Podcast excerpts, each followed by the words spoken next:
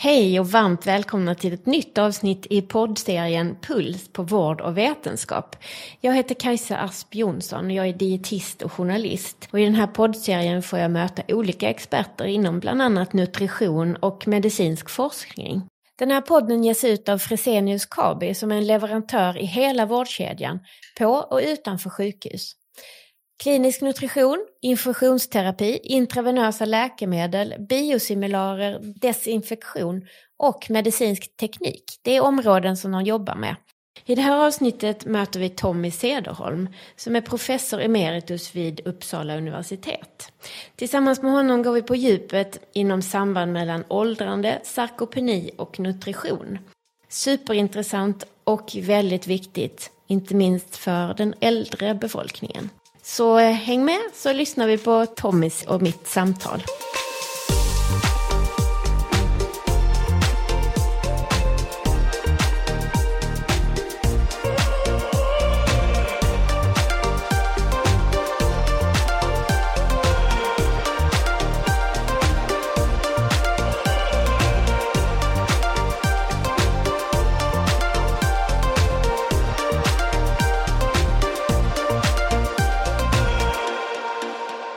Så välkommen hit Tommy Sederholm. Du är också nu verksam vid tema inflammation och åldrande vid Karolinska Universitetssjukhuset ska vi komma ihåg att säga också. Så varmt välkommen. Tack så hemskt mycket. Väldigt kul att ha dig här. Du har ju jobbat med de här frågorna under ganska många år, eller hur? Ja, som emeritus nu och haft ett intresse kring de här frågorna ända sedan sen jag var ung läkare så det börjar väl närma sig 45-50 år så att eh, jag har varit med mm. ett tag. Ja men precis, för du var ju tidigare överläkare inom geriatrik. Och vad är det liksom i den rollen som du såg problematiken och omfattningen av det här med nutritionen och, och problemen kring det?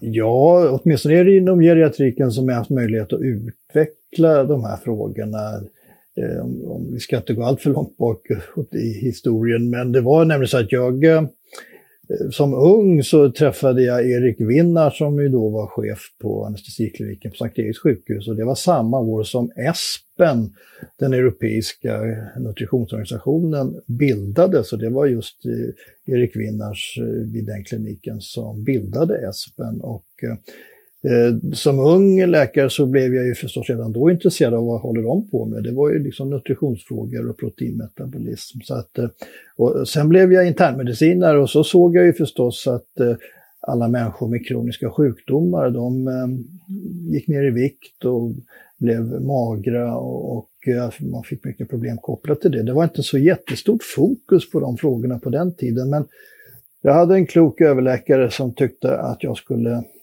fördjupa mig i de här frågorna. Och, och det har jag gjort.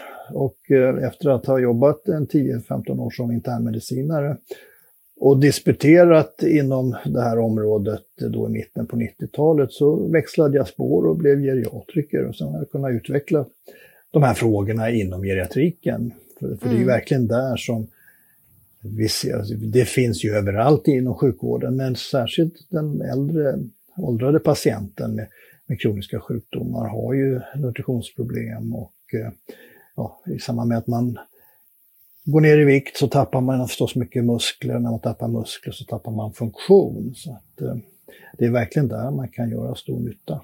Mm.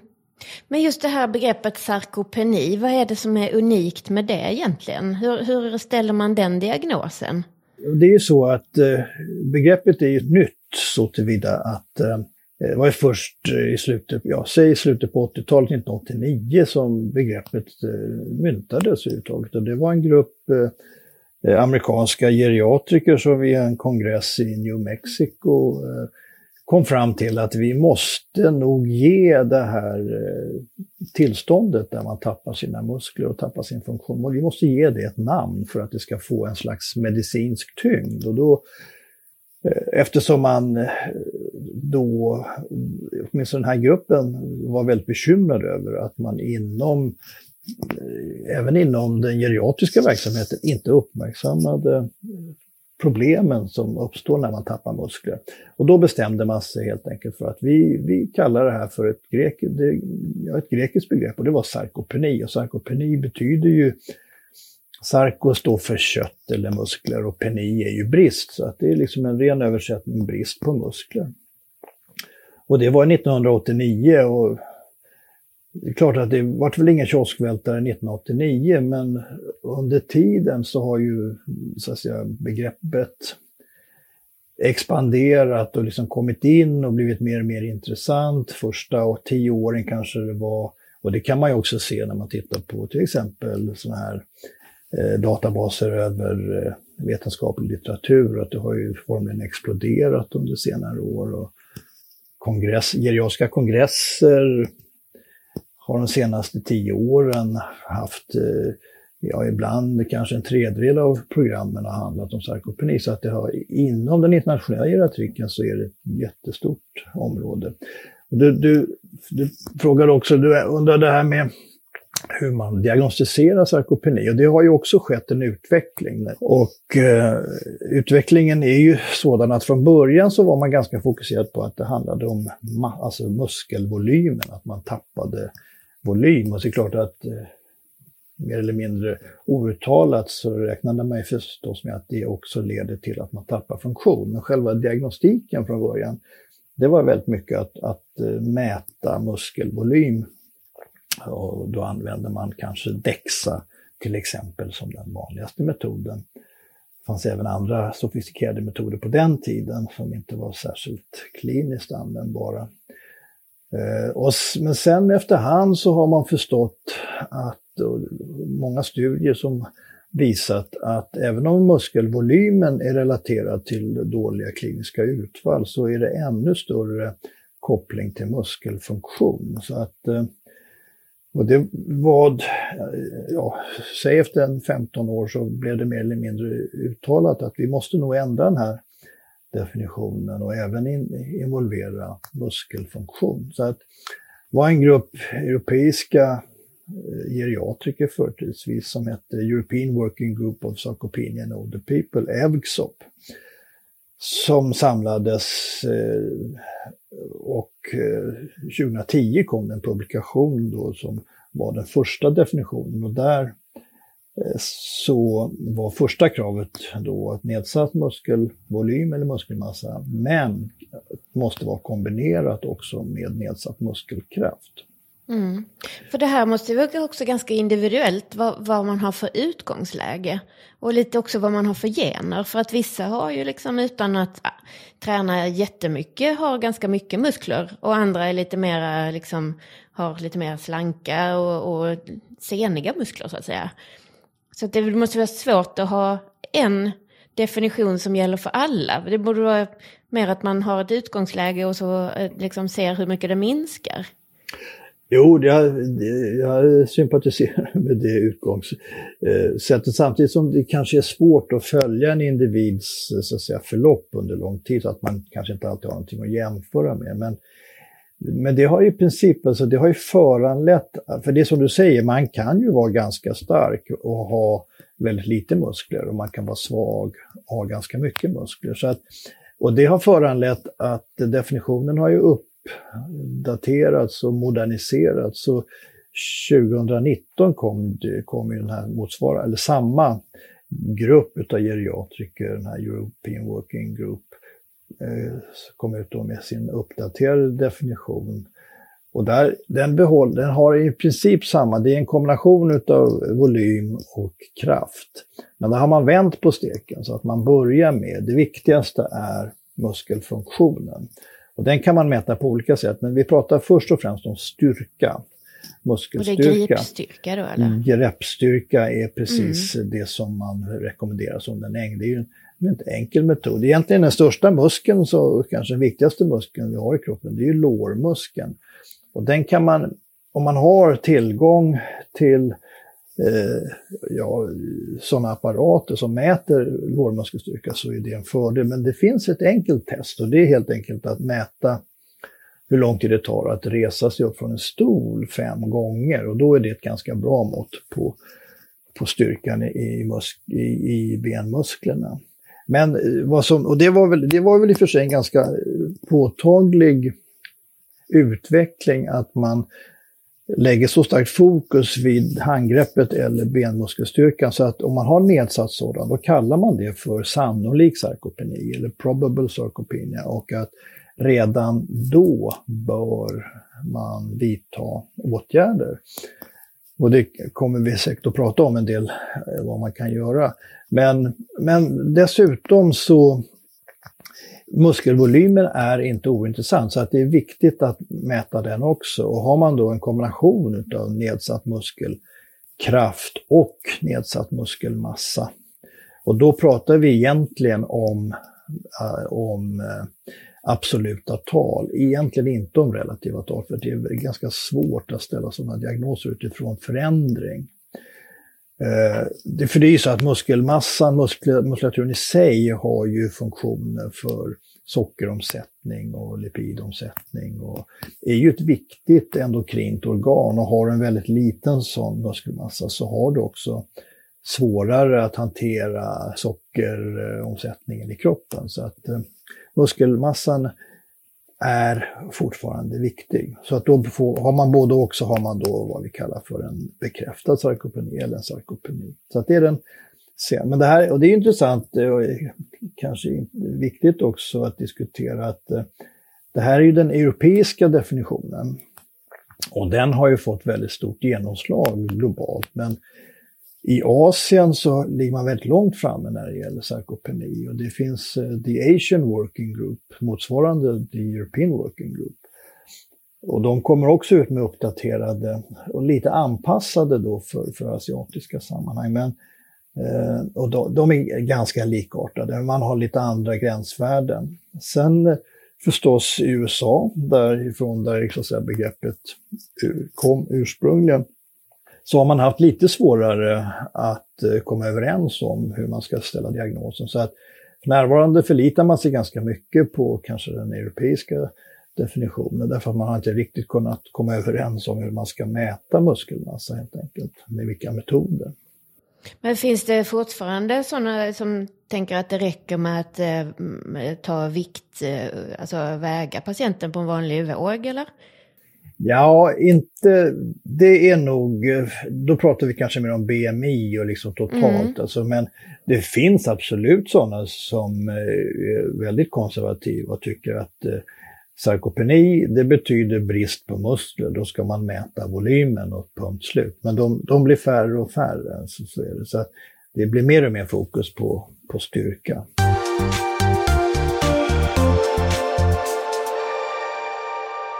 Det finns ju en annan eh, liksom, eh, del av detta som heter eh, sarkopen obesitas. Och det är ju också ett intressant spår. Att man alltså kan vara överviktig eller normalviktig men ändå ha för liten muskelmassa.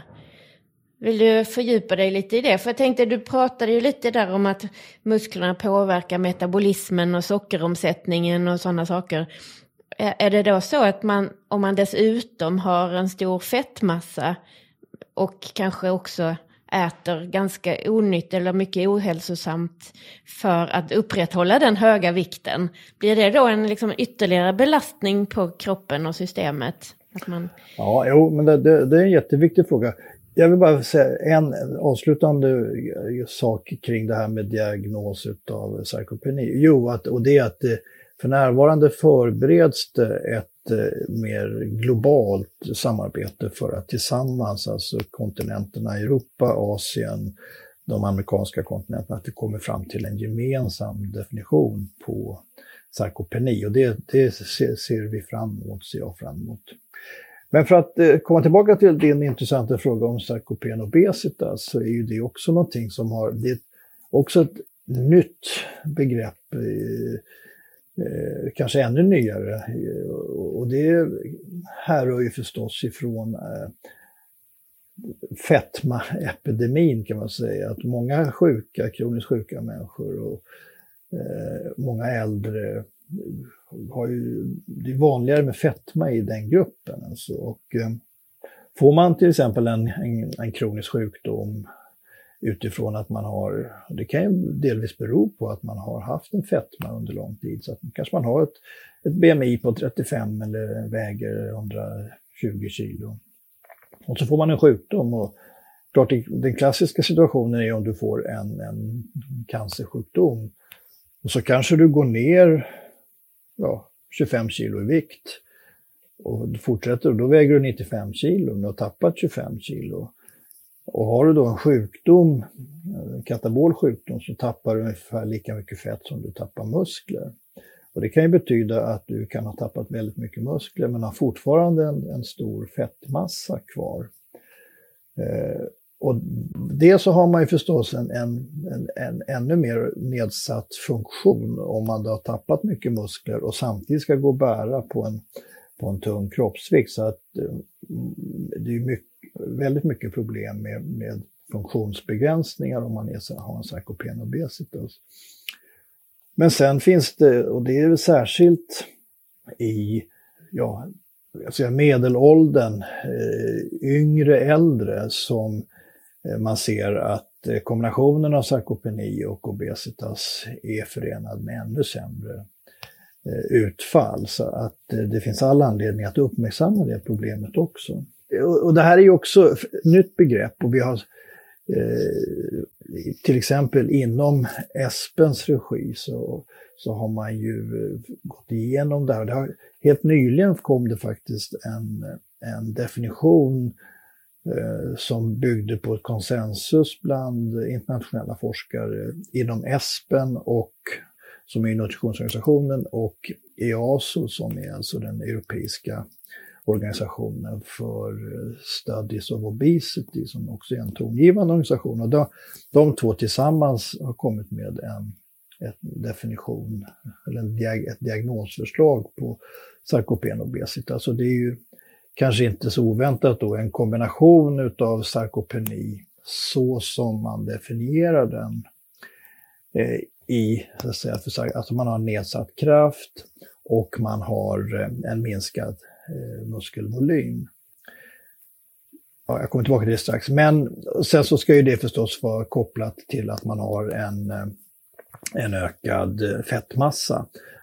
Och då kan man ju ha fettmassa ökad dels på grund av att man har ett stort bukomfång, att man har central obesitas, eller att man har en, en hög fettmassa. Och det kräver ju förstås eh, att man gör någon typ av kroppssammansättningsbestämning. Och det, det som ju, de två vanligaste metoderna idag är ju trots allt eh, DEXA eller bioelektrisk impedansanalys. Så, så att, eh, ja, så att det, och det finns en, en, helt ny, den kom bara för några veckor sedan, en, en artikel om diagnos ett internationellt konsensus hur man diagnostiserar sarkopen obesitas.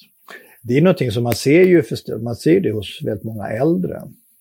Man ser det ju reumatoid artrit till exempel. Det är ganska en kronisk katabol sjukdom som leder till att man tappar mycket muskler. Men samtidigt så kanske man har en ganska god aptit så att man äter. Man rör sig mindre, man äter skapligt, man har en inflammatorisk sjukdom som gör att man tappar mycket muskler. Så att, mm. Och har också svårare för att bygga muskler kanske? Eller? Ja, det blir ju så i och med att man har svår, därför att kanske man har ont i leder som gör att man har svårt mm. att och träna sina muskler. Och så förstås eh, vid cancersjukdomar. Och det här, det här ser man ju speciellt i USA, så att det kanske är i USA som man i första hand har uppmärksammat problemet sarkopen och obesitas.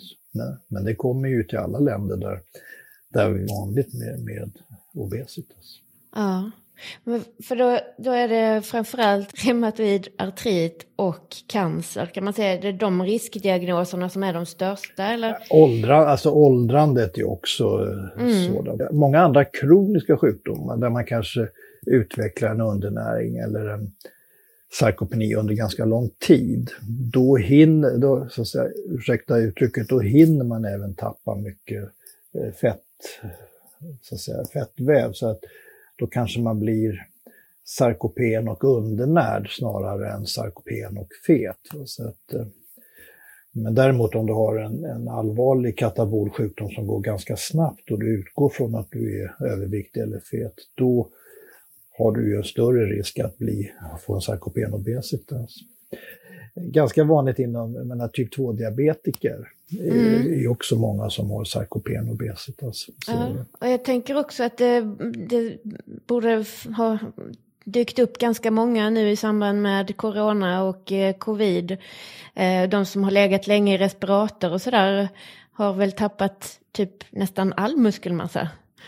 Absolut, det är, ett, det är definitivt så. Det är ju möjligen, jag vet inte om intressant är rätt ord, men det är, ändå, det är ändå värdefullt att du nämner det. För att jag tycker inte att man har hört den diskussionen. Att, eh, Nej, det var rätt mycket om det i början, men inte det sista ett och ett halvt året. Nej, alltså jag tror mycket av de här post-covid-problematiken, eh, fatig och annat, alltså det bottnar ju i att man tappar mycket muskler. Alltså det, eh, Eh, läste helt nyligen en, en, artikel där man hade följt viktutvecklingen hos en grupp, eh, ja det var inte en jättestor grupp, men ändå, jag tror det var en fransk studie där man hade ett 50-tal patienter som man hade vikt före och sen så hamnade man i respirator, låg i respirator kanske en vecka, tio dagar. Och sen hade man, och så följde man vikten och så såg man hur, vad som hände under, man följde dem i tre månader under den tid man låg, det kunde, räckte med 14 dagar efter att man blev sjuk, så hade man tappat ungefär 10 kilo. De vägde väl ungefär 80 i genomsnitt, kanske hade ett, något, ett BMI någonstans närmare 30 från början. Men sen så tappade de mer än 10 procent av sin vikt inom loppet av 14 dagar. Och det är klart att när man tappar så mycket, man går kanske från ett, och då har man i och för sig gått ifrån ett BMI kanske på 30-31 så går man ner kanske till BMI till ja, 26-27. Men det, det, är klart att då har man fortfarande, man är fortfarande så att överviktig, men man har ju tappat väldigt mycket. Bo, och, många kanske känner att ja, men det är ju jättebra, för då har man blivit av med mycket fett. Men grejen är ju den att du tappar, i en sån situation så tappar du minst lika mycket muskler som du tappar fett. Så att du blir att du får ju en sarko, de är ju sarkopent obesa. I och med att eh, medvetenheten inom hälsoprofessionerna om sarkopeni är så pass svaga som de är så uppmärksammar man det inte i tillräckligt hög grad utan man, man pratar om att jag är så trött och jag är, väl, jag är hjärntrött. Jag tror, det kan man nog bli också, men jag tror att den här tröttheten sitter väldigt mycket i att man tappar så mycket muskulatur. Så. Mm. Men så, som ja. tur var är ju muskulaturen är ju en, eh, ska kalla det för en plastisk förändringsbar vävnad så att man kan ju återhämta sig. Så, men, jag sa ju att de följde de här individerna under en tre period, men det, det tog ganska, man såg att de gick ju upp i vikt alltså, men de hade, inom tre månader hade de inte återhämtat sig och var fortfarande trötta. Så att, Ja, men det, det är ett problem som, jag är ju inte intensivvårdsläkare, men eh, det är ju, så inom intensivvården så ser man ju här och man vet ju att eh, efter att ha legat i respirator så har ju många tappat väldigt mycket muskler. Och det kan ju, ja, är man, är man liksom inte ung så kan det ju vara så att man kan aldrig återhämta den muskelförlusten som man har tappat. Nej, för det här, jag kommer tillbaka till detta igen med att man tappar muskler, liksom, det är en naturlig del av åldrandet. Och att jag, vad jag har lärt mig från långt tillbaka var ju att man, det är någonstans där i, mellan 20 och 25 års åldern som man är som, som bäst skick och status i sin kropp. Och sen går det liksom bara utför. Men är det för att vi rör oss för lite och använder musklerna för lite? Eller är det så det, det alltid kommer att vara liksom? Ja, det är klart att det, till viss del är det ju en ofrånkomlig fysiologisk process att man tappar muskler, men man måste inte tappa så mycket så att det påverkar ens vardag. Men det är precis som du säger, att man når någon topp där vid 25-30 när det gäller muskelstyrka och muskelmassa. Sen kanske man ligger hyggligt stabilt, beroende förstås på livsstil och så, va, fram till 40. Men från 40 så börjar man att tappa både muskelstyrka och muskelmassa. Och och det är klart att sen är ju det väldigt beroende på livsstil. Alltså. Och där kommer ju fysisk aktivitet och vad man äter in. Alltså. Eh, jag satt i en betygsnämnd eh, på en avhandling om kost och sarkopeni eh, utifrån en, en stor europeisk studie. Och eh, den fokuserade ju maten och det var ju väldigt intressant. Och där, där fick jag lite utav en, eh, kanske ändra lite på mitt tänk. För att vi, när vi pratar om mat och sarkopeni, då tänker man ja men då är det bra med kött och köttproteiner, för det är ju bra för musklerna. Men det ligger ju någonting i det, men det var intressant. Det, var, det här var ju förstås eh, observationsstudier, men det var ändå så att växt, de som hade ett högt växtproteinintag, de hade ännu bättre muskler än de som så att säga, hade ett lägre växtproteinintag. Så att, och då resonerade man kring att det kan ju det har väl antagligen med att om man äter man växtproteiner så får man i sig mycket annat bra också. Det innehåller, jag menar, det är antioxidanter och det är fibrer och sånt. Så att, som skyddar muskeln på andra sätt. Alltså, så, att, eh,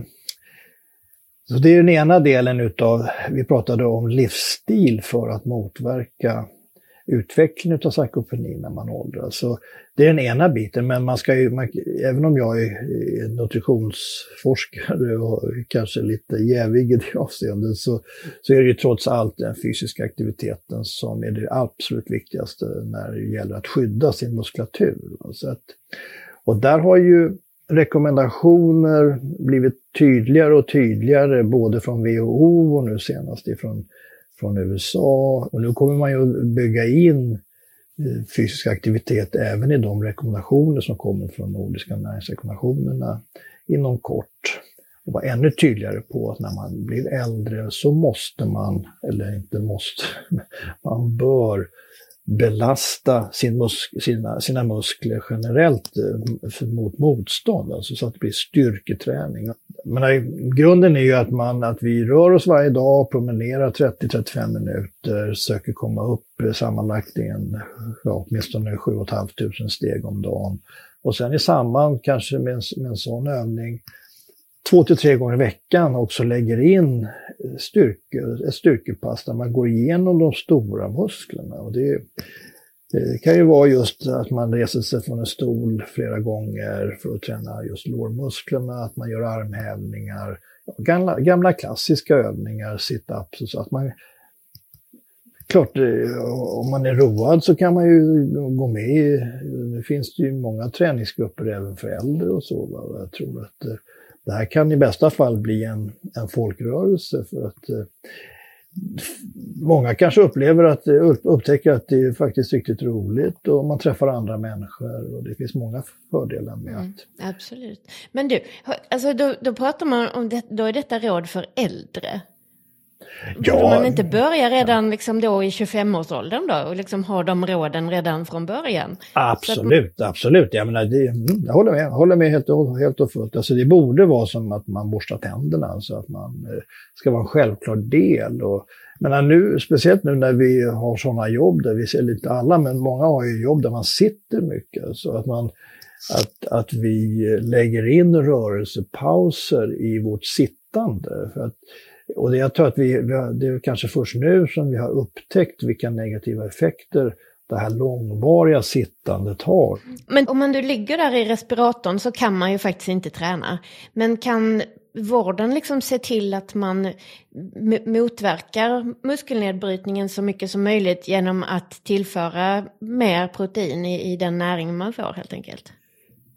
Jag tror att det, i det läget är det svårt att motverka nedbrytningen med eh, nutrition. Då är det ju nog mer så att, att du med alltså, olika typer av sjukgymnastiska övningar, det finns ju även program med eh, så att säga, elektrisk muskelstimulering. och det, alltså, de flesta moderna eh, intensivvårdsavdelningar idag, de har ju program för att motverka den här muskelförlusten.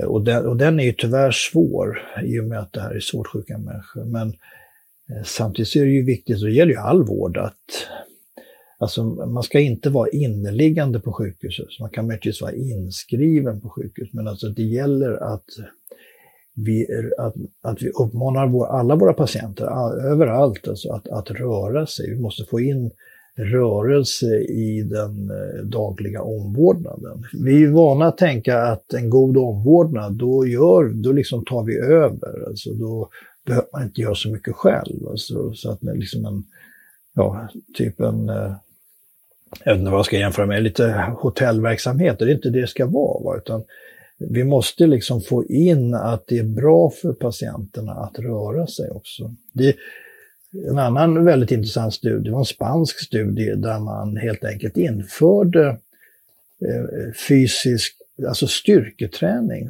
på patienter intagna på en geriatrisk klinik. Eh, nu var det inte alla som kunde följa de här, men det var samma där. De som hade möjlighet att göra det, och det var ju ofta de som var lite piggare, hade fantastiska effekter utav att få träna sina muskler under, samtidigt som de låg inne på sjukhuset. Så att, eh, ja, vi, har, vi har faktiskt en liknande studie på gång nu på, på Huddinge och på Dalens sjukhus bland annat för att se om det går att integrera styrketräning i den dagliga sjukvården just för att motverka sarkopeniutveckling. Mm. Men du, jag måste ändå återkomma till detta. Men är det inflammationen som är den stora boven i alla de här olika riskdiagnoserna? Eller vet man det egentligen? Ja, det är, det är två huvudsakliga mekanismer som ligger bakom. Det ena är ju förstås att man rör sig för lite helt enkelt. Mm. Men i kombination med att man har ett inflammationspåslag i, i sin sjukdom och väldigt många mm. kroniska sjukdomar har ju ett inflammationsinslag. Och, man kan, och nu är det ju också så att även åldrandet i sig präglas av en, en lite lätt ökad inflammationsaktivitet. Vi använder det här begreppet inflammaging. Mm. Det, det, betyder att man får ett lite högre inflammationspåslag. Det är ingenting som man liksom egentligen ser med våra normala eh, analysmetoder, men tillräckligt mycket. Och det är ju så att antingen så kan man ju ha en väldigt kraftig inflammationsaktivitet under en kort tid, till exempel en, en lunginflammation eller så. Och det är klart att då då, då är det ett väldigt kraftigt katabolt påslag som gör att du förlorar, kanske kan förlora upp till 2-3 hekto muskler per dag när du, har, när du har ett så kraftigt påslag. Jag menar patienter som ligger multitrauma, sepsis och annat som ligger på en, akut, på en intensivvårdsavdelning, de tappar ledigt 3 hekto muskler på en dag. Alltså, det är som en katabolstorm. Alltså. Eh, och, så att, och det är ju vad vi ser inom geriatriken, då kanske man tappar en 50 gram, 100 gram per dag. Och om du har ett kroniskt inflammatoriskt påslag under väldigt lång tid, så räcker det, kan det räcka med det här som jag nämnde, inflammaging. Om du så att säga, har ett väldigt lågt inflammationspåslag men under lång tid, så måste du lägga till ganska mycket träning för att bara motverka det. Men sen förstås vid andra sjukdomar, när vi pratar om reumatoid artrit som ju är en, en inflammatorisk sjukdom, då tappar du mm, mer muskler. Vid KOL eh, eller hjärtsvikt som är också i, i vissa avseenden är inflammatoriska sjukdomar så tappar du också muskler. Mm. Och alla de här sakerna som du räknar upp där känns det också väldigt tätt sammanhängande med att man har en låg aptit och kanske inte så mycket lust för att äta. Och ja, det smakar inte så gott liksom när man är mitt i en cancerbehandling kanske. Och många mediciner som gör att man också tappar smak och liksom, aptit och också motiliteten i tarmen kanske påverkas och sådana saker. Så att det, det är ju väldigt mycket som hänger ihop.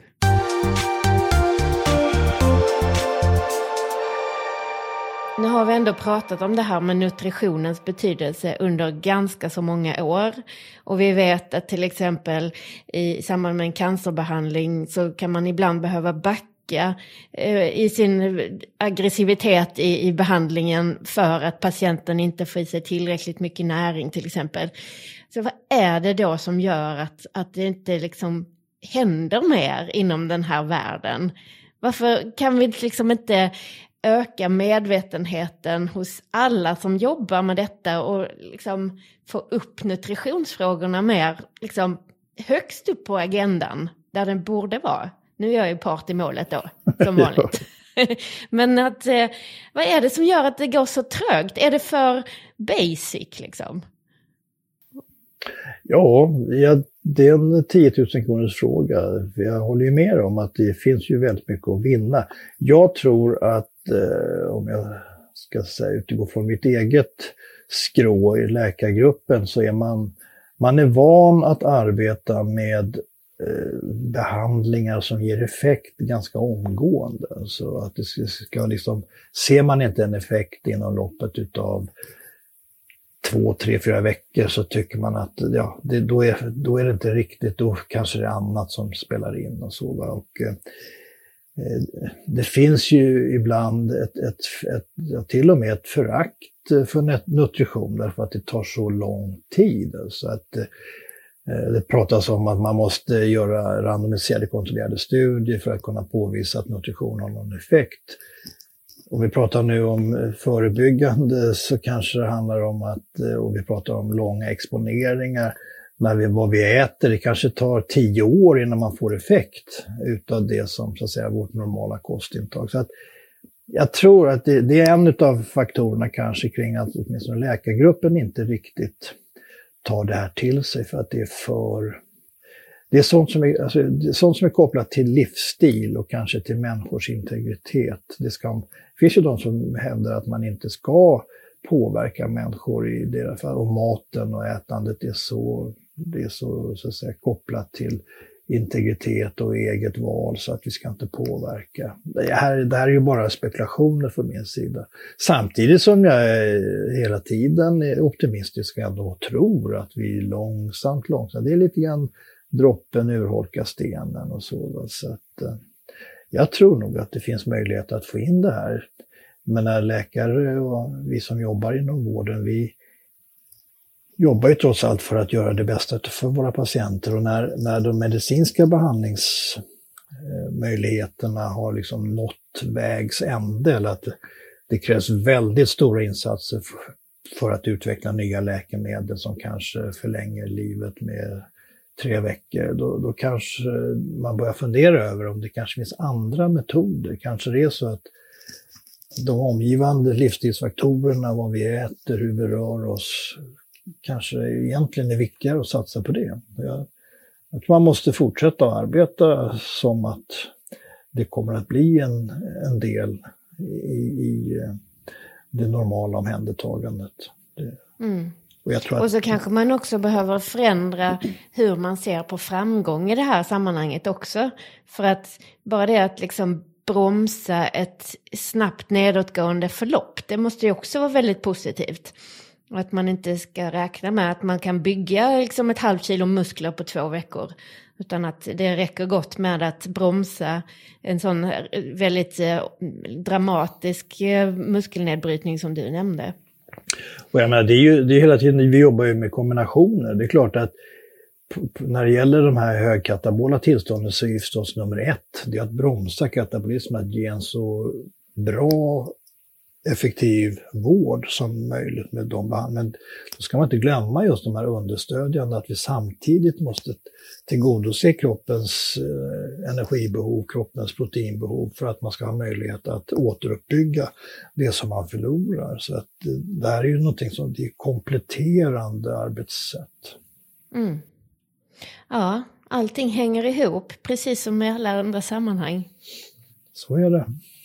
Väldigt intressant och spännande att prata med dig. Och sen blev jag ju jättenyfiken också där på din verksamhet inom tema inflammation och åldrande vid Karolinska sjukhuset. Vad är det du jobbar med där? Ja, det är ju eh, att eh, försöka vara lite bollplank eh, och eh, Eh, ge lite inspiration möjligen utifrån de internationella nätverk som jag har byggt upp under många år.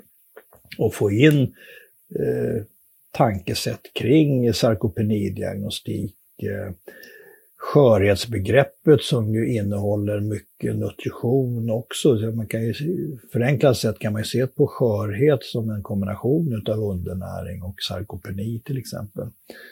Så att eh, få in de här begreppen, skörhet, sarkopeni och i ännu högre grad också jobba aktivt med, med undernäringsproblematiken. Och, ja, det, så att det är väl, jag, jag tycker att det finns en väldigt stor beredskap och eh, en, en stor eh, nyfikenhet i att arbeta med de här nya begreppen. Eh, och och det känns väldigt roligt att, att få vara delaktig i en sån process. Alltså vi, är väldigt, vi är många förstås inom geriatriken som tycker att det här är viktiga arbetsfält. Och, eh, men det är som det, det, man måste alltid vara, det har man ju fått lära sig genom åren, man måste vara tål, ha tålamod och man kan inte förvänta sig att människor ska acceptera nya arbetssätt eh, på en gång. Men eh, det finns, det finns helt tydligt en, en stor nyfikenhet och en stor önskan att eh, långsamt ändå försöka få in men att vi mäter handgreppsstyrka,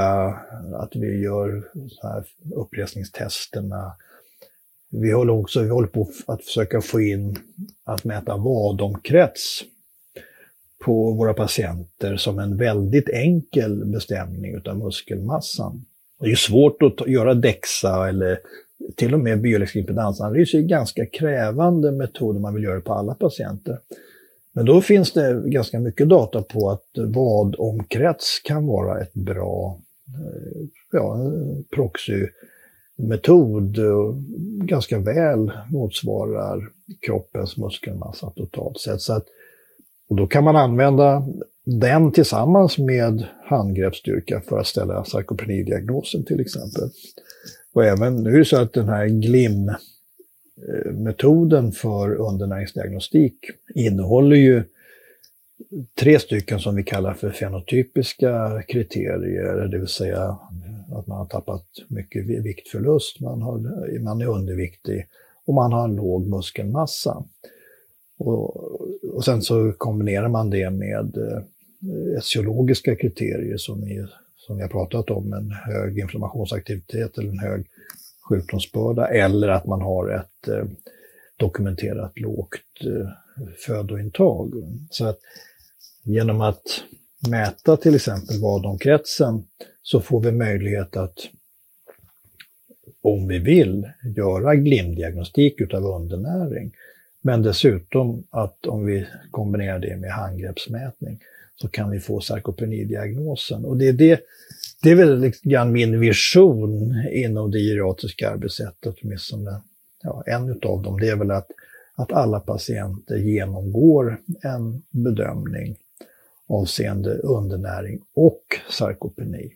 Det är ju väldigt mycket, det, det, det hänger väldigt mycket ihop med det biologiska åldrandet och ska vi kunna hjälpa våra sköra patienter så måste vi uppmärksamma nutritionsproblematiken, brist på energi, brist på, på proteiner och den nedsatta funktionsförmågan som går att åtgärda. Dels med kanske protein, både energi och proteinintag, men också att vi ännu mer lyfter betydelsen av fysisk aktivitet och träning. Mm. Jag kan inte låta bli att tänka på alla dessa elsparkcyklar som far omkring på stan. Att man liksom inte ens promenerar längre och använder sina ben på det sättet utan man liksom låter en motor ta en fram istället. Eh, det kanske också är en, liksom en, lite av en tickande bomb för framtiden. Både bristen på muskelmassa men också att man inte heller belastar skelettet och, och så. så Absolut.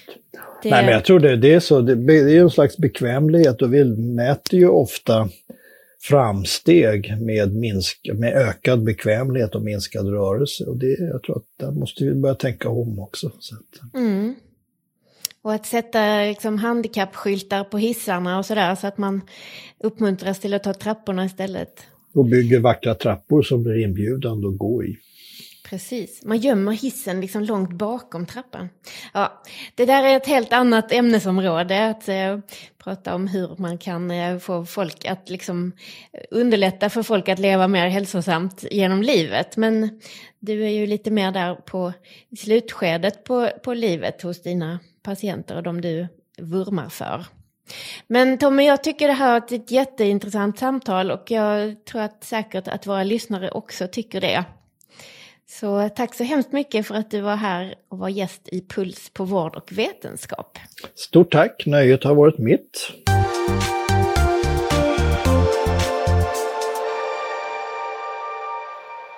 Jag tyckte det var jätteintressant att få prata mer om sarkopeni. Den här gången med Tommy Cederholm som har lång erfarenhet inom området och som under många, många år bland annat varit med och utvecklat diagnoskriterier och behandlingsstrategier. Jag hoppas att även du som lyssnat har fått lite nya tankar och kunskap om området. Jag tänker att det egentligen inte krävs så mycket om man börjar i tid. Men att man behöver faktiskt ta hand om sin kropp med träning och hälsosamma matvanor under hela livet. Detta för att öka chanserna att vara stark och pigg när man blir äldre. Gå gärna in och lyssna på tidigare avsnitt inom det här fältet också, till exempel det med Ingvar Boseus som vi släppte tidigare i höstas. Tack så mycket för att du har lyssnat på Puls på vård och vetenskap. Den här podden ges ut av Fresenius Kabi som är en leverantör i hela vårdkedjan, på och utanför sjukhus. Klinisk nutrition, infusionsterapi, intravenösa läkemedel, desinfektion, biosimilarer och medicinsk teknik. Det är några av de områden som de jobbar med.